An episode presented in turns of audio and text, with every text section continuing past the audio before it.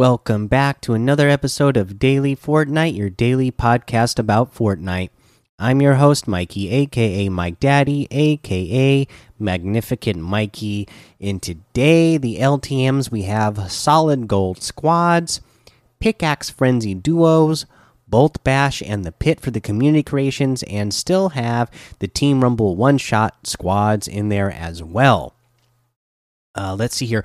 In other news, the other thing I wanted to get to was this blog post for the best Fortnite creative map codes for the week of February 2nd, 2021. We haven't gone over this yet, and I figure not a lot of news going on this weekend, so this would be a good time to go over it.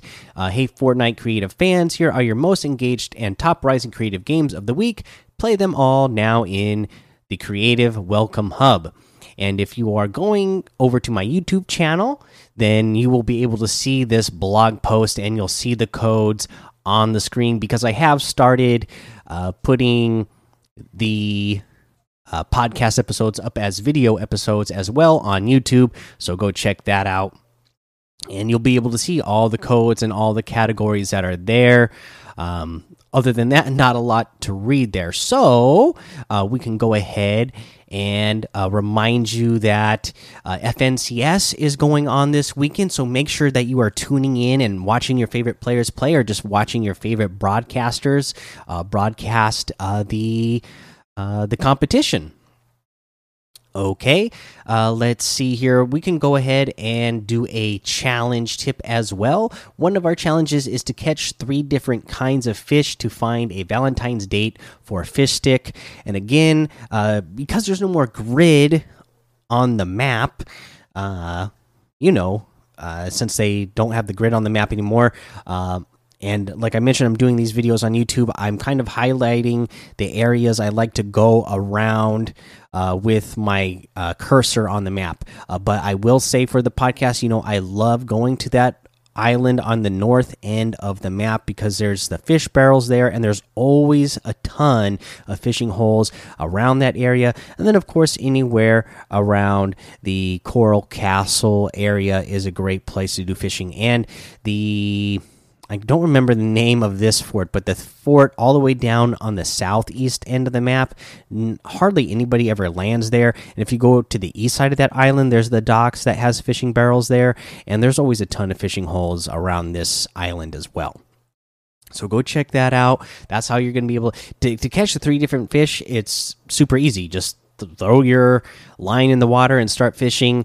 And uh, i got three different kind of fish on my first three tries. Uh, you might have to take four or five tries because you might end up catching a weapon or two uh, here or there. But other than that it's super easy to do. Uh just go to just go to those areas so that way you have a lot of fishing holes to choose from so that you can uh, get the challenge done faster. Because you'll fish you know you'll catch different fish faster if you're fishing from the actual fishing holes.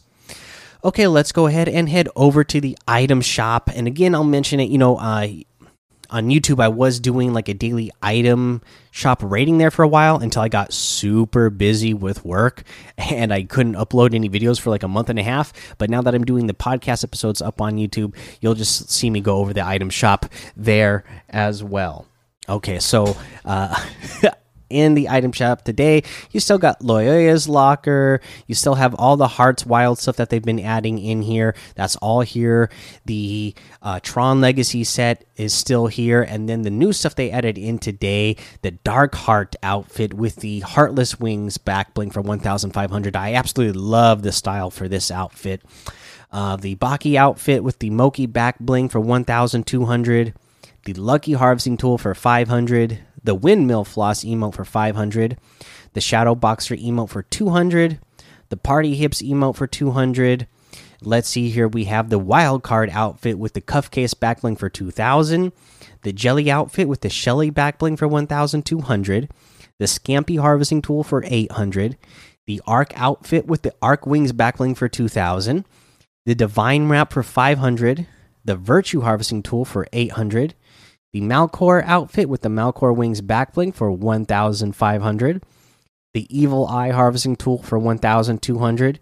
The Star Flare outfit with the Universal Bloom backbling for 1,500. This is one that I've always really been a fan of. Uh, let's see here.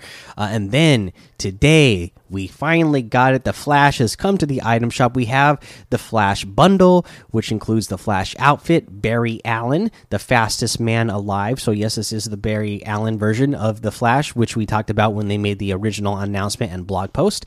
It comes with the Speed Force back bling, the energy field that gives all speedsters their power. That's pretty cool looking back bling. I like the effect that it has. Uh, let's see here. The Speed Force Slashers Harvesting Tool, physical manifestations of the Scarlet Speedster's powers. Right on.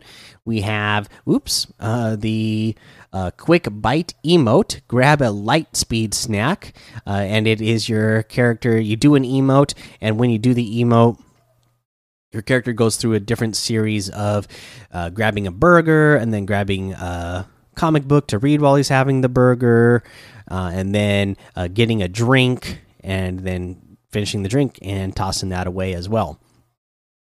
Pretty cool emote there.